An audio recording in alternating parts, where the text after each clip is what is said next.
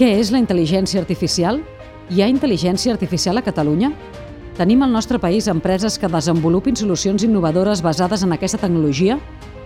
Actualment a Catalunya hi ha més de 180 empreses que treballen en l'àmbit de la intel·ligència artificial, que ofereixen més de 8.400 llocs de treball i facturen uns 1.400 milions d'euros.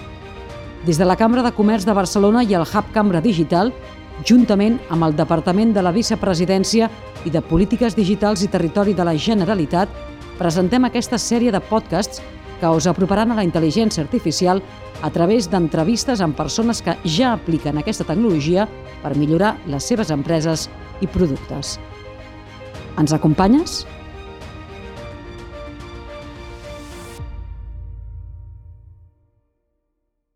Avui descobrirem quin paper té la intel·ligència artificial aplicada a serveis de mobilitat. Una persona que coneix perfectament com s'aplica aquesta nova tecnologia en aquest sector és qui ens acompanya, Xavier Castells, mànager mitjans propis i departament tècnic del RAC. Benvingut, Xavier. Hola, bon dia. Entrem en matèria.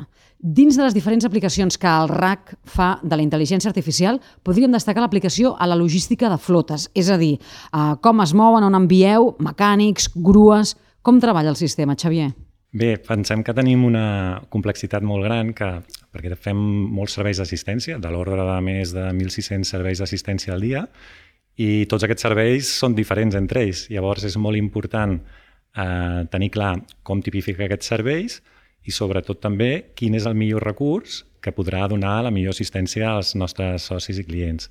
I per això, en aquest sentit, doncs, tenir eines com intel·ligència artificials que ens ajudin a planificar millor quina és la, aquesta previsió de serveis i on hem d'estar aquests recursos, doncs són, són eines que estem treballant a dia d'avui.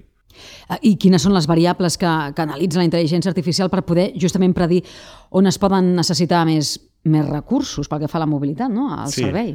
Bàsicament el que fem és tenir una base de dades històrica molt potent de dades de tots els serveis que hem anat fent i tota l'activitat que hem tingut en anys anteriors.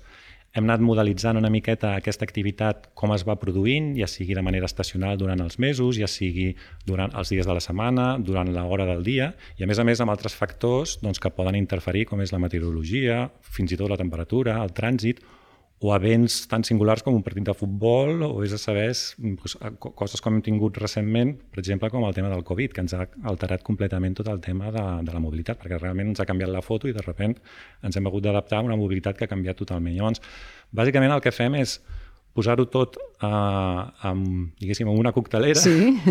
i, de, i, i amb bastanta ciència mirar amb aquesta experiència prèvia, amb aquests factors que ens poden uh, afectar, doncs quina és aquesta previsió que podem esperar doncs, a futur. No? I d'aquesta manera saber tots aquests recursos, que són molts, i tots aquests serveis, que també són molts i molt singulars i molt diferents, com els hem de gestionar de la manera més eficient. I això vol dir doncs, estar a prop, arribar d'hora, que el client no s'hagi d'esperar gaire, però sobretot també que quan arribem fem un servei de qualitat, perquè tenim mitjans molt diferents i no és el mateix canviar una roda que extreure un combustible, algú que s'ha equivocat i ha posat benzina en el mm. dièsel. Llavors, són cotxes que són diferents, amb característiques diferents, llavors hem de dir, oiam, quina probabilitat hi haurà que això passi aquí, però a més a més que quan passi que hi hagi el cotxe adequat, el tècnic adequat, perquè no tots són iguals, etc. No? Llavors, una miqueta tenim molta complexitat i en aquest sentit eh, totes aquestes eines ens, ens ajuden a fer-ho el millor possible i d'anar una miqueta més eh, preveient el que pot passar a, a futur, no? a futur immediat o, o, o a mig i llarg termini. En aquesta coctelera de...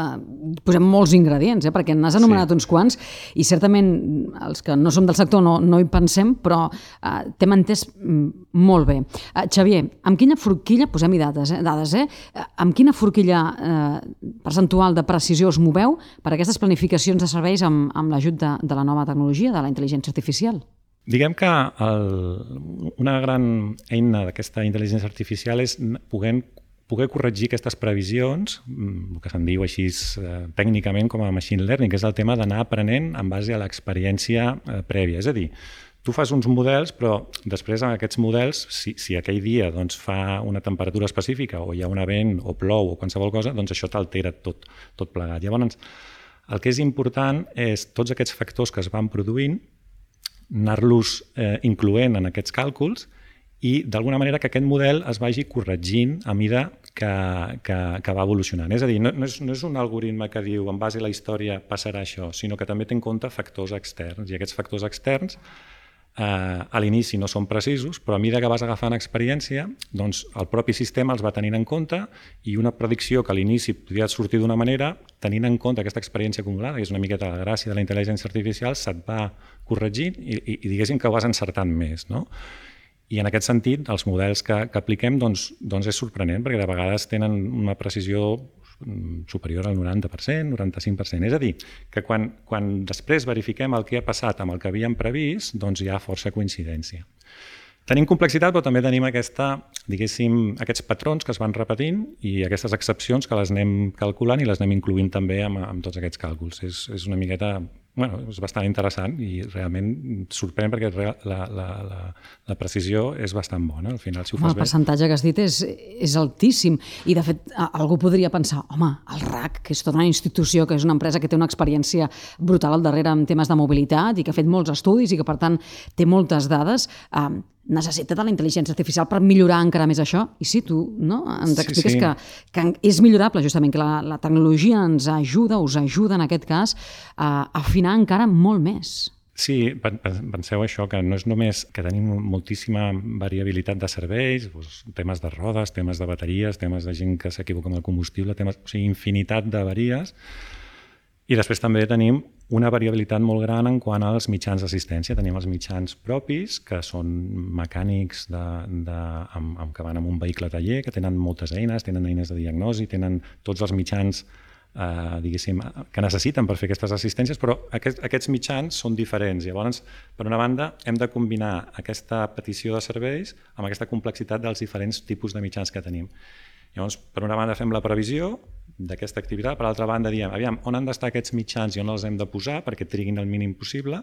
I després al mig el que tem també tenim és un, un, un algoritme d'assignació automàtica que fa que en funció dels serveis que ens van demanant eh, és bàsicament la màquina la que diu, aviam, si és un servei, per, per dir alguna cosa, d'un canvi de bateria, estic en aquell, al carrer Balmes, tinc aquests mitjans, doncs primer veu quins són els mitjans que, que estan preparats per fer aquesta assistència i després escull el que està més a prop i el que tindrà, diguéssim, un temps d'arribada menor. Llavors, totes aquestes coses, quan tens poqueta activitat, i històricament ho pots fer més o menys manualment o amb l'experiència, però quan, quan vas acumulant un, una, una activitat molt, molt gran i amb un àmbit d'actuació doncs, de tot el territori, doncs realment vas necessitant aquestes eines que t'ajudin a predir i a planificar millor on has d'estar per, per, per donar el millor servei. Quin impacte em diries tu eh, que ha suposat per al RAC l'aplicació de la intel·ligència artificial? O preguntat d'una altra manera, si no apliquéssiu la intel·ligència artificial, amb quins problemes avui us trobaríeu?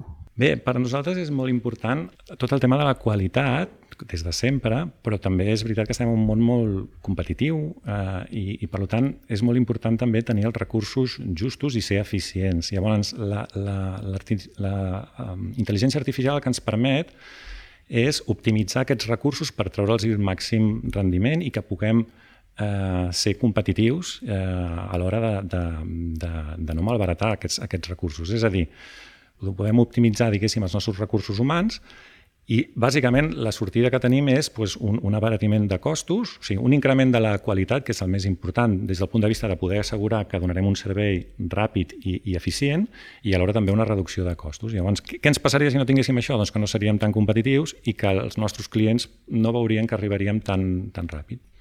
Uh, Xavier, per acabar, m'has parlat del que esteu fent, del que heu fet. Què és el que fareu? La intel·ligència artificial on teniu prevista aplicar-la des del RAC?